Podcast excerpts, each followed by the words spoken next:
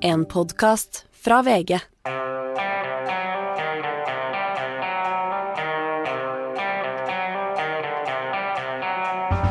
Ikke visste jeg at alle disse dagene som kom og gikk, de var selve uke 42.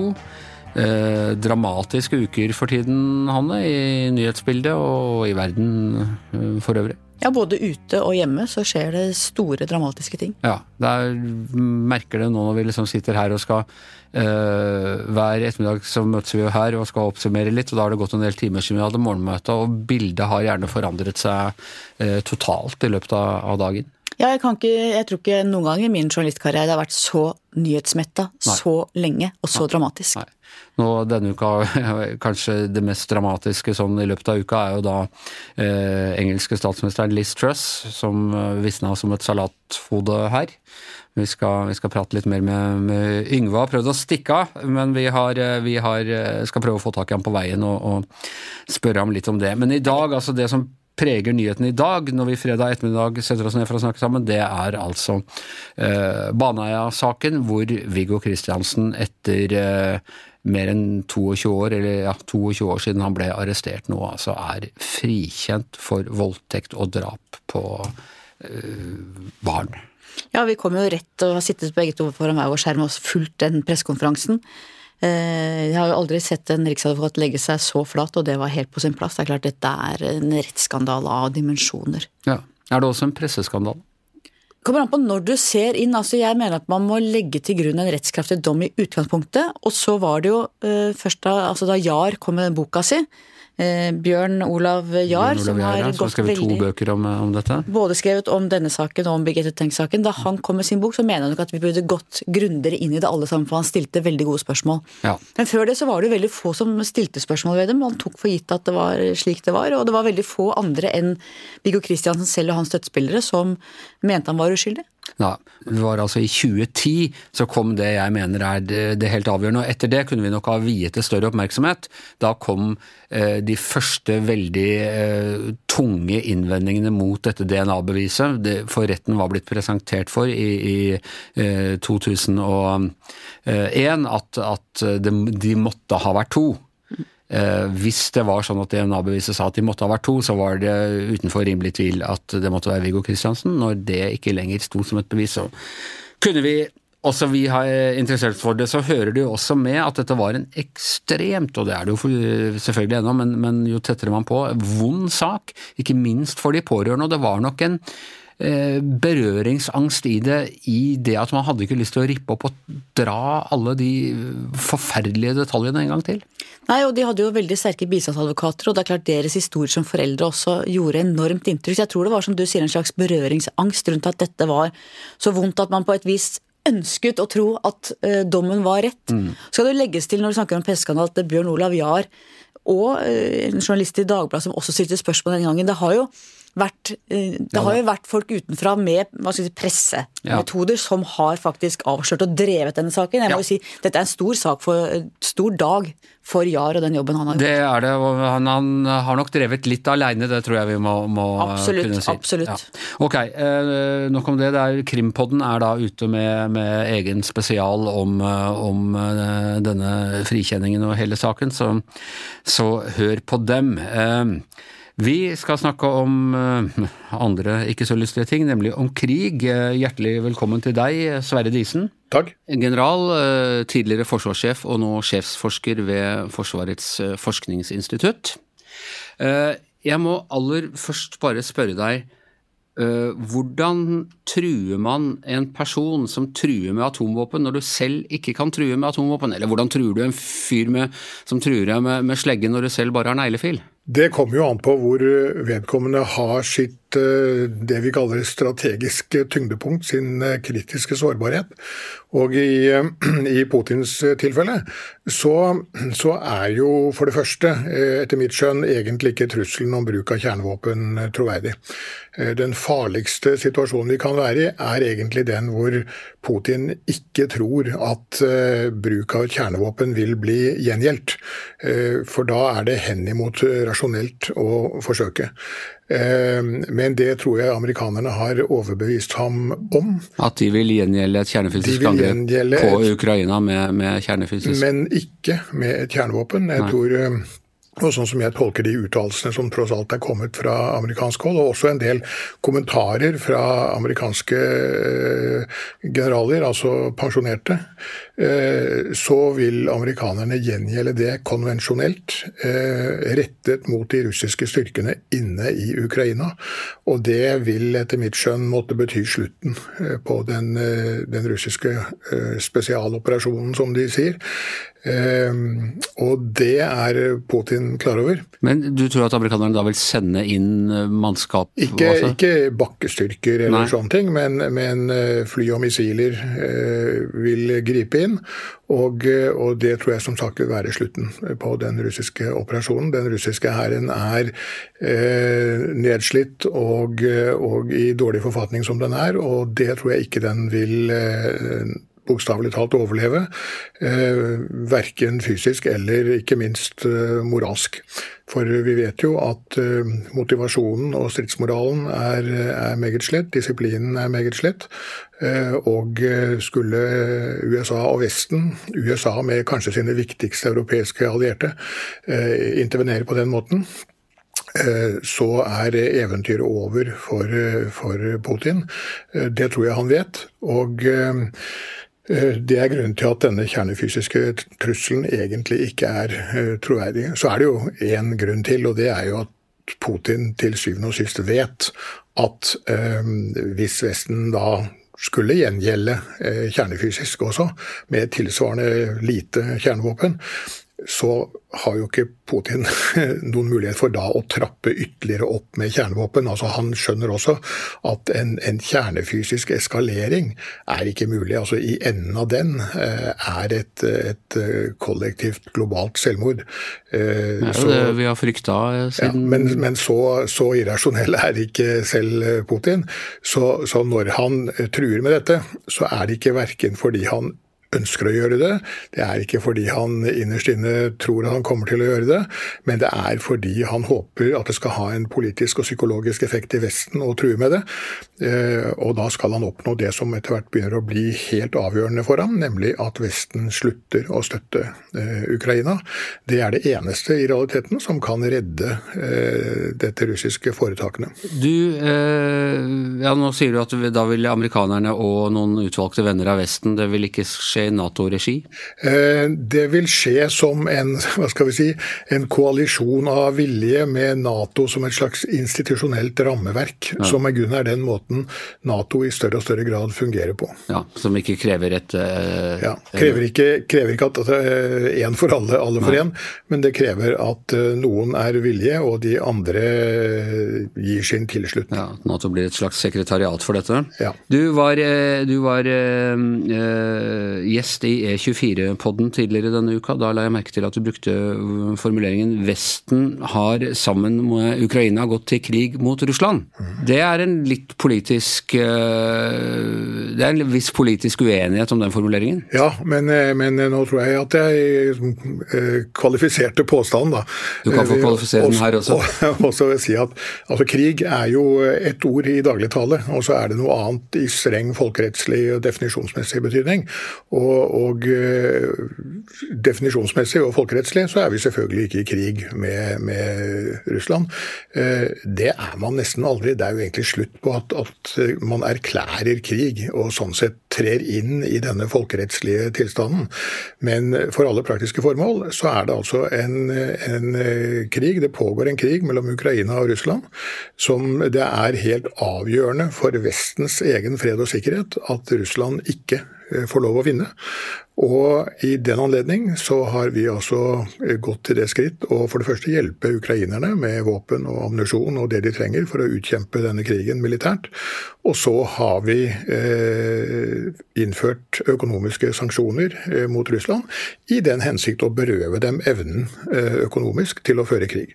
Eh, og dette er en form for krig som rett og slett innebærer at man tar i bruk hele hele det spekteret av makt- og påvirkningsmidler som, som, en stat eller en koalisjon av stater råder over. Noen økonomiske, noen militære, eh, noen kulturelle, og det er det som dreier seg om påvirkning og, og skal vi si kampen om narrativet. Eh, og skal dette gjøres effektivt, så, så må man selvfølgelig tenke liksom om dette som en, en, helhetlig eh, strategi. Man må bruke disse makt- og påvirkningsmidlene til det de er egnet til, og, og, orkestrere dette som en strategisk eh, helhet. Basert på at man altså har først bestemt seg for en sluttilstand. Dette er den tilstanden vi skal frem til. Dette er de makt- og påvirkningsmidlene vi har. Hvordan bruker vi dem for å nå denne sluttilstanden? Det er sånn man liksom nærmer seg et sånt problem strategisk, og det er i og for seg det vi, det vi gjør. Eh, med visse avvik, selvfølgelig, fra det sånn helt ideelle eh, konstruktet. Eh, men, eh, men, eh, da er altså meningen at noe skal oppnås med militære maktmidler. Det er det altså ukrainerne som skal greie med vår hjelp. Og resten skal vi oppnå med økonomiske sanksjoner. Men det hele er da rettet mot den sluttilstand at russerne skal tape dette. Og alle disse nettopp de hva skal vi si, mellom, mellommåtene å, å, å krige på, hybrid eh, krigføring. Nå har vi hatt eh, den, eh, sabotasjen mot, mot, gassrør. Vi har en, vi har en økt paranoia i, i, Norge for droner rundt, rundt forskjellige av de store energiinstallasjonene våre. Hvor mye tror du er en reell trussel mot de installasjonene fra russisk side, og hvor mye er dette med på egentlig bare liksom bølle med psyken vår? Jeg tror ikke dette dreier seg om gass eller olje i, i særlig stor grad. Igjen, altså russerne har ikke noen eh, kritisk eller vital interesse knyttet til denne olje- og gassproblematikken. Eh, det som er mer enn noe annet helt avgjørende for russerne, det er å stanse den vestlige hjelpen til Ukraina. Eh, og den eneste måten de kan gjøre det på, det er å skape så stor bekymring, engstelse, frykt, uhygge i Vesten ved å skape dette inntrykket av at krigen rykker oss stadig nærmere. Det blir mer og mer alvorlig, det blir mer og mer farlig. Ehm, og da kommer disse dronene eh, også inn i bildet. Eh, og det som jo også bidrar i samme retning, det er jo at eh, dette er jo en form for det vi kaller hybridkrigføring, som du sier. Altså det er det vi i fagspråket kaller ikke-attribuerbart. Altså det er ikke mulig å si med sikkerhet hvem som står bak. Vi kan ha våre meget sterke mistanker, men altså russerne har det som heter benektelsesmulighet. Og det skjerper jo i og for seg uhyggen på en måte, dette at det er anonymt.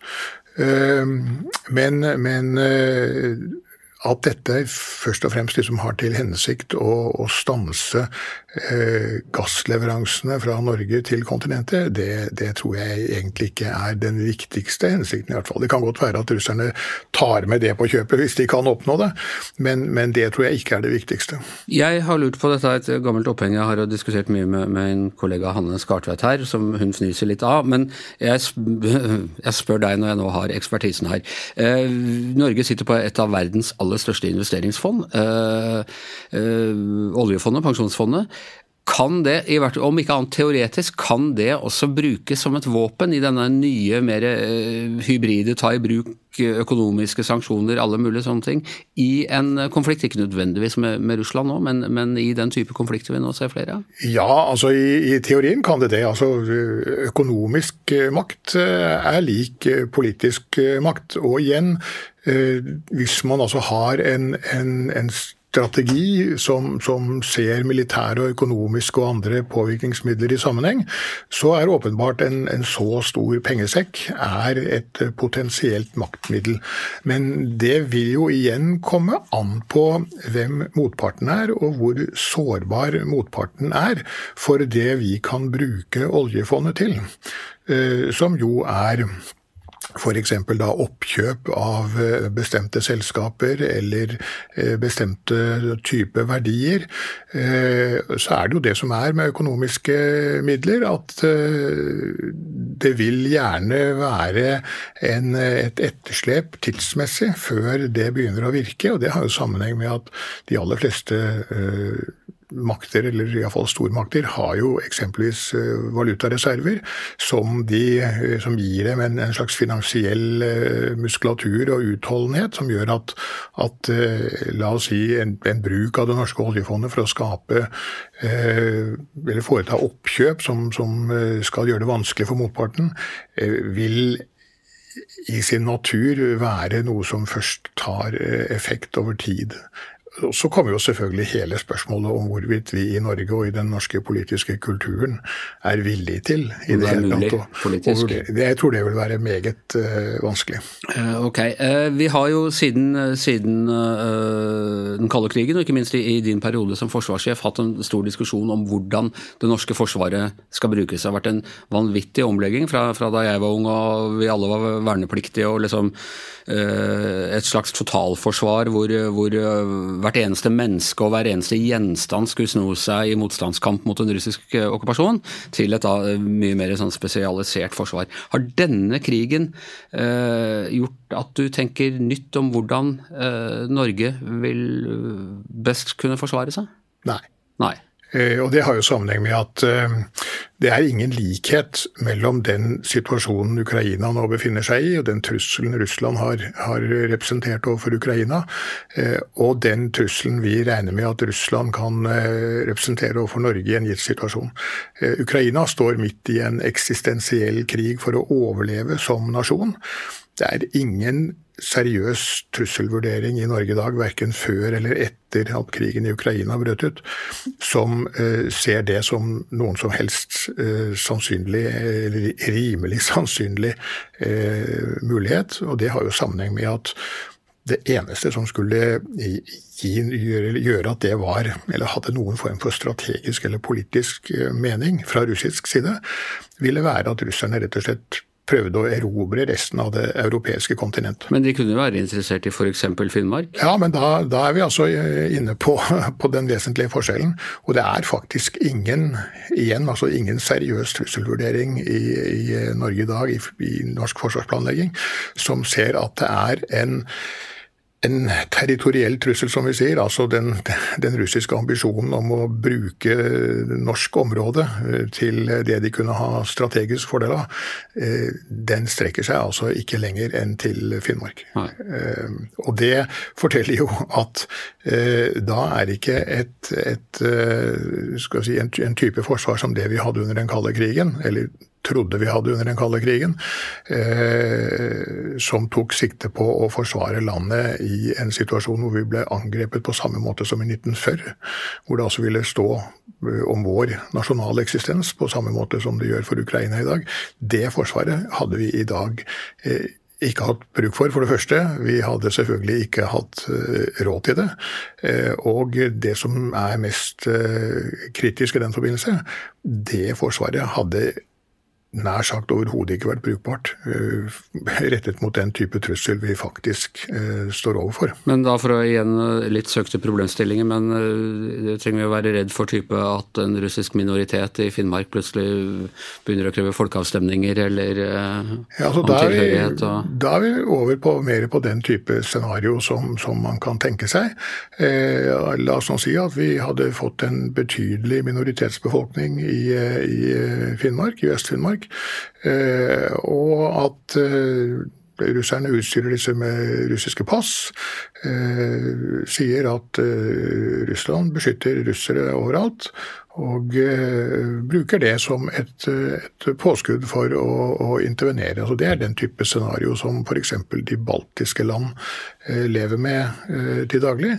Eh, og det er absolutt noe vi skal eh, være oppmerksom på. Du, eh, Det spisser seg til i, rundt Kherson, hvor, hvor, noen har ment at dette kan bli et av de avgjørende slagene i den konvensjonelle delen, i hvert fall, av den som slåss om land i Russland. Tror du det? Kan, kan Kherson nå de nærme, Kan dette bli avgjort nå i løpet av noen dager og uker? Det kan det faktisk, slik som det ser ut i, i øyeblikket. Og sånn som man kan tolke en del av de russiske uttalelsene også, at her har de nå store problemer. Eh, og dette vil jo være kanskje det største tilbakeslaget russerne har møtt til nå under krigen, hvis det skjer. Eh, og Det har sammenheng med at det vil være både politisk og eh, rent militært strategisk eh, meget alvorlig.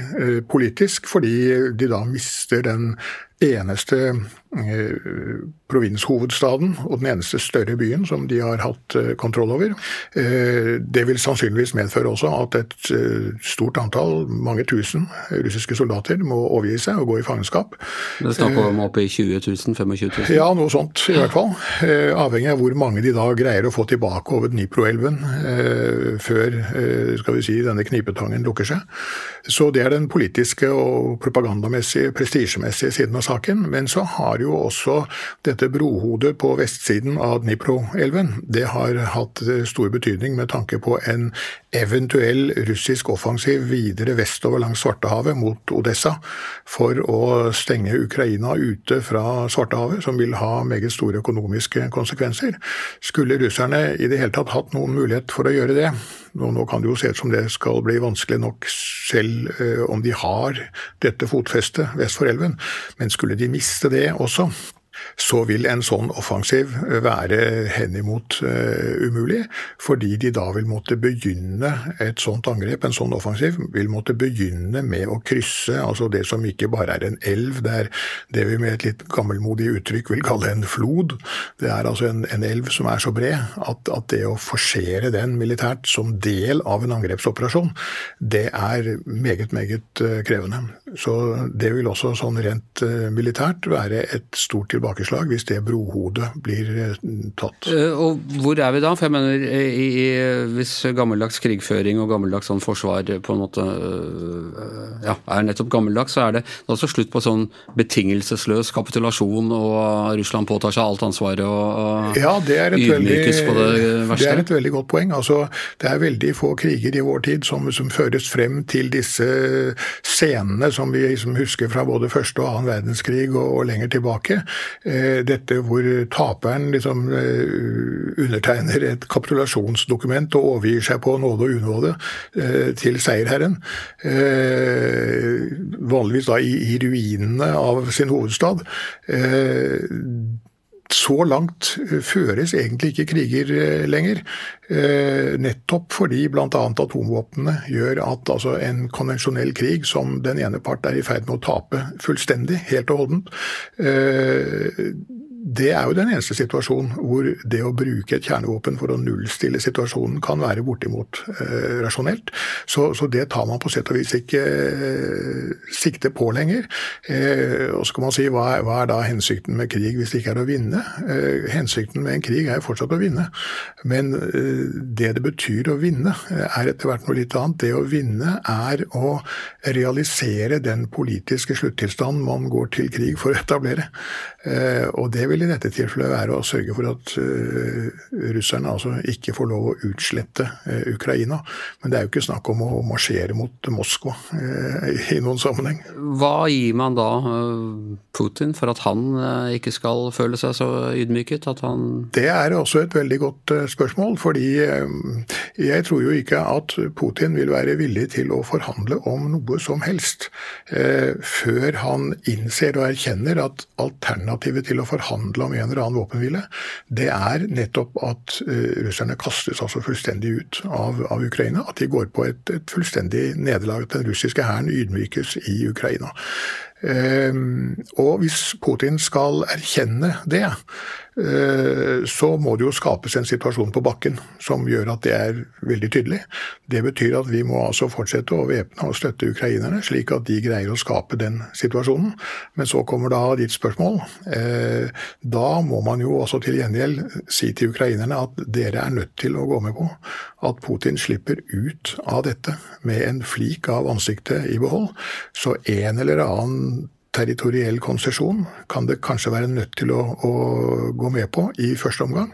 Og så er det sanksjonene, og da kommer dette inn med å se økonomien og militærmakten i sammenheng. Det er sanksjonene som da i fortsettelsen, etter at det er blitt en våpenhvile, etter at Putin har kommet seg ut av dette eh, med et sånt strategisk fikenblad, eh, så er det sanksjonene som skal tvinge russerne helt ut på sikt. Men da snakker vi sannsynligvis om et annet regime enn en dagens, enn Putins. Men eh, faren ved å, å kjøre dette for langt militært i dag, er jo at vi ønsker egentlig ikke at Putins regime skal falle, fordi det eneste alternativet til Putin i dag, det er altså de som er enda mer ytterliggående. Det er hardlinerne i, i miljøene rundt generalstaben og andre steder. Slik at det vi på sett og vis må prøve å få til da, med noen skal vi si, strategisk uh, kirurgi, uh, det er at Putin Eh, overlever politisk eh, med et meget eh, svekket regime, som da ikke vil være noen trussel mot noen, og hvor han vil måtte bruke resten av sin tid og sine krefter på, på interne forhold i, i, Russland, slik at vi unngår et, et hardliner-regime eller, eller noe annet som vi ikke i det hele tatt vet hva er. Og det krever nettopp denne evnen til å orkestrere strategien, slik at vi oppnår altså så mye med militærmakt. At vi tvinger Putin til forhandlingsbordet. Eh, tvinger ham til å gå med på eh, noe han ellers ikke vil vurdere engang.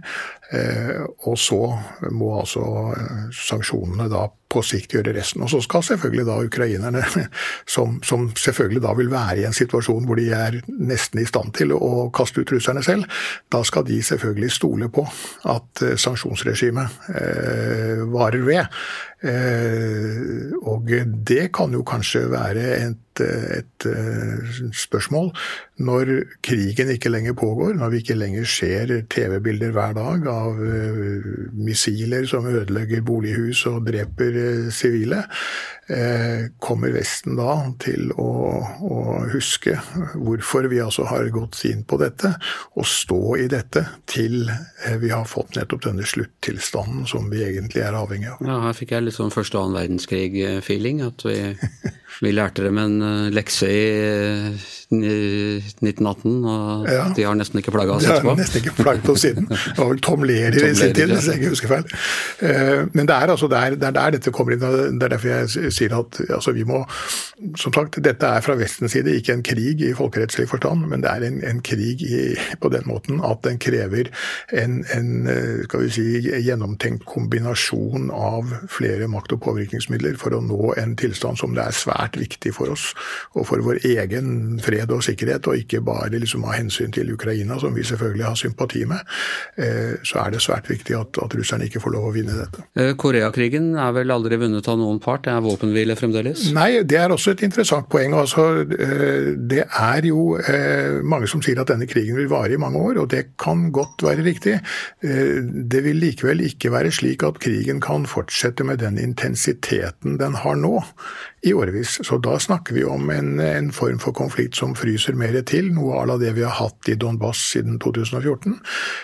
For det som er altså med høyintensitetskrig i dag, og det har å gjøre med kombinasjonen av eh, den moderne våpenteknologien og, og våpnenes effektivitet på den ene side, og på den annen side deres eh, kostnad og kompleksitet.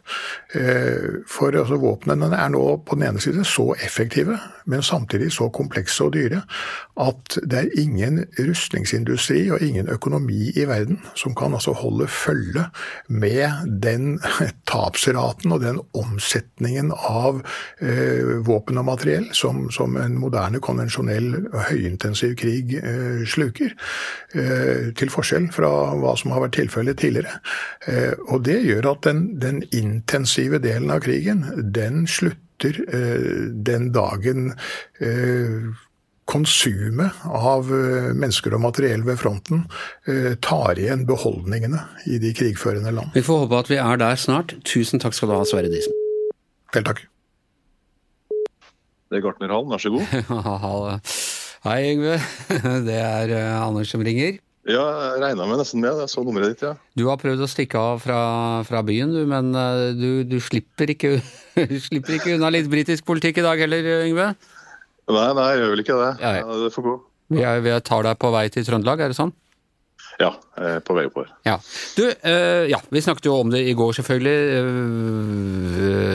Uh, Truss gikk av før uh, salathodet råtna. Uh, henne om det. Men nå blir det Boris Johnson. Kommer han tilbake? Det er ingen tvil om at han ønsker å komme tilbake. Han er jo en litt sånn comeback-kid. Det har han jo vært det har han jo vært i mange omganger. Han har fått sparken fra en sånn skyggeregjeringspost tidligere. Han var skyggeregjeringskulturminister og, og kom tilbake som statsminister. Han har fått sparken som eh, journalist og kommentator både The Daily Telegraph og, og, og, eh, The Times og kommet tilbake som redaktør. sånn at eh, Han er jo en, er jo en sånn type comeback-kid, det er ingen tvil om det. Men det spørs jo da hva flertallet i punkt 1, parlamentsgruppa til konservative partiet ønsker, og punkt 2, medlemmene. fordi at eh, Det de nå trenger, er jo en person som er veldig samlende for partiet. og mm, Allerede så er jo reaksjonene i, i hvert fall i parlamentsgruppa det at eh, hvis Boris kommer tilbake, hvis Boris blir nominert, så slutter vi som konservative politikere å stille som, som uavhengige eh, kandidater. Så okay. krigen er allerede i gang. Ja, så det høres jo ikke veldig samlende, samlende ut, da. Eh, Men, men han eh, Nå husker jeg ikke, men altså den nye finansministeren. Han har vært med en stund. Jeremy Hunt Ja. Han, eh, Jeremy Hunt han kunne ha gjort det, for at han kunne ha tatt det samme grepet som eh, John Major gjorde i 1990. Eh, han var også en moderat finansminister da Margaret, eh, Margaret Thatcher fikk eh, problemer. Og, eh, klart, og da var lå jo også partiet langt under på meningsmålingene, sånn som i dag. Da. Men han klarte å samle partiet og var eh, partileder og statsminister i to år, til da neste valget i 1992. og Da gjorde jo det konservative partiet sitt beste valg ever, altså med 14 millioner stemmer, som er det meste noe politisk parti i Storbritannia har fått noen gang. Så han er klart han kunne vært en sånn type kompromisskandidat som kunne bygd opp eh, partiet igjen. Men så er det litt med at eh, mulig at, at lysten har litt gått over, men han har jo to gode eh, andre kandidater rundt seg. da. Og Det er jo Rishi Sunak, tidligere finansministeren. Og så er det Penny Mordaunt som også var med i den siste runden i, i sommer. Da. Og Begge de to er jo, er jo kandidater som har ganske brei allmenn tillit. Eh, det morsomme nå er jo selvfølgelig at eh, det er jo Rishi Sunak sin økonomiske politikk som trøster-regjeringen. Seirer til slutt. Slutten, ikke sant? Ja. Dette er blitt uh, tvingt til å gjøre den ene ut, U-svingen etter den andre. Så det er veldig åpent uh, akkurat nå. Altså, Jeg lurer mest på hva sier magefølelsen din? Hvem blir det? Jeg tror kanskje det blir Penny Mordaunt som har den bredeste allmenne tilliten. Hun viste seg også som en veldig dyktig uh, Hun leda jo det geheimrådet ikke sant? da hun med overføring av, av makt og privilegier fra dronning Elisabeths dødsbo til uh, kong Charles. Ja.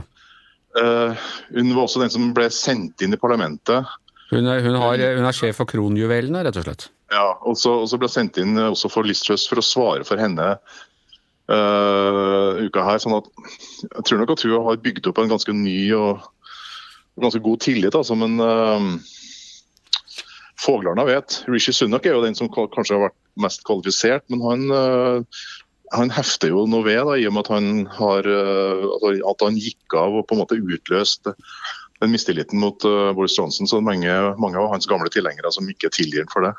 Ok, men du, da setter vi et diadem på at det blir Penny Moran. Som jeg sier, i går så sa jeg til deg eh, at jeg nesten var litt misunnelig over at du hadde har valgt britisk eh, politikk. Du har jo, har jo god kjennskap til amerikansk politikk også, men nå har du liksom virkelig fått moro av det. Men ikke bare det.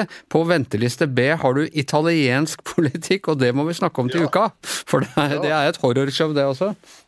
Ja, det, et- det er et virkelig horrorshow. For at uh, nå uh, Vi tar det til uka, vi tar det til uka, men det er uh, Ok, Yngve, ta deg noen velfortjente dager i, i Trøndelag, og så snakkes vi på mandag. Det gjør vi. Fint, det. Ok, ha Ha det. Det. Ok, Hanne, da gjenstår det egentlig bare å spørre deg. Hva, hva skriver du om til i morgen? Av alt dette forferdelige vi nå har vært gjennom. Nei, Jeg skriver om noe helt annet, men likevel eh, tilknyttet av det som skjer nå. Altså SV som eh, flertall i deres programkomité som går inn for å si at man ikke lenger skal si nei til EU. Nei, unnskyld, til, Nei, til NATO. Ja, Ja, nå var det slutt på slope, men da er mitt ord nemlig for å bringe meg til EU. For da eh, er mitt eh, poeng at da kan de også godt si ja til EU. De er fortsatt veldig skeptiske til USA og til Natos atomstrategi alle disse tingene. Og jeg mener at det er naturlig da, hvis man ønsker virkelig å både være med i Nato og er USA-skeptisk, og slutte seg til vennene i Europa og gå inn i EU, at det er det som er et logisk følge. Så det argumenterer jeg for. Ja, men hvis du vil ha dem dit, Hanne, er det lurt å presse dem altfor hardt akkurat nå? Nå har de mer enn nok med, og det er- nok av folk i SV som ikke vil ut av Nato. Eh, ser det, det mønstres, ikke minst på, på grunnplanet i SV. Kan du ikke la dem få sitte litt i fred og gjøre dette her nå, før du begynner å mase om EU? Nei, Min jobb er jo ikke å være aksjonist på dette, min jobb er å analysere det jeg ser kanskje kan komme til å skje, og det som er faktisk eh, folk i Sosialistisk Ungdom som har argumentert for å åpne en ny EU-debatt og nærmer seg ja. Eh, sånn at det er mer å, å reflektere rundt også at det er jo Husk, de som er født etter 1976, fra 1977 og framover, altså alle som er under 45 år i Norge, har ikke fått stemme over norsk, forhold, norsk medlemskap i EU. Eh, Og det at de ungdomsorganisasjonene mener jeg nå bør ta tak og ta den diskusjonen, og der er det noen i SU som har gått foran. Ja. Så Ja, og det blir spennende det, og som vi har vært inne på mange ganger her, så er det jo altså på den liberale venstresiden i Europa, så er det jo mer begeistring for, eller om ikke det er begeistring, så er man mer tilhenger av EU fordi man tror på det internasjonale samarbeidet for de store spørsmålene vi baler med. Eh, Så det er en litt sånn rar eh, norsk variant, det der at, den demokratiske venstresiden er, mot EU. Og særlig nå etter brexit, for at Storbritannia har jo vært det landet som har holdt igjen og ikke ønsket noe særlig politisk samarbeid om arbeideres rettigheter, om velferdsstat, om klima osv. Så, videre, og så, videre. så nå burde i hvert fall eh, venstresida i Norge se at eh, EU er verktøy for å kunne få til de tingene de ønsker. Bekjempe turbokapitalismen, redde klimaet osv. osv. Ja, få lavere strømpriser. Nei, ikke det, for det er funker ikke helt. Ok, eh, det blir spennende å lese deg i morgen, Hanne. Ha en riktig god helg. I like måte. Eh, god helg til alle dere andre også. Tusen takk til eh, Sverre Disen. Tusen takk til eh, Yngve Kvistad. Jeg heter Anders Giæver, og mannen som er medlem av Nato, om ikke EU, EU, så i hvert fall EØS, er som vanlig vår produsent Magne Antonsen.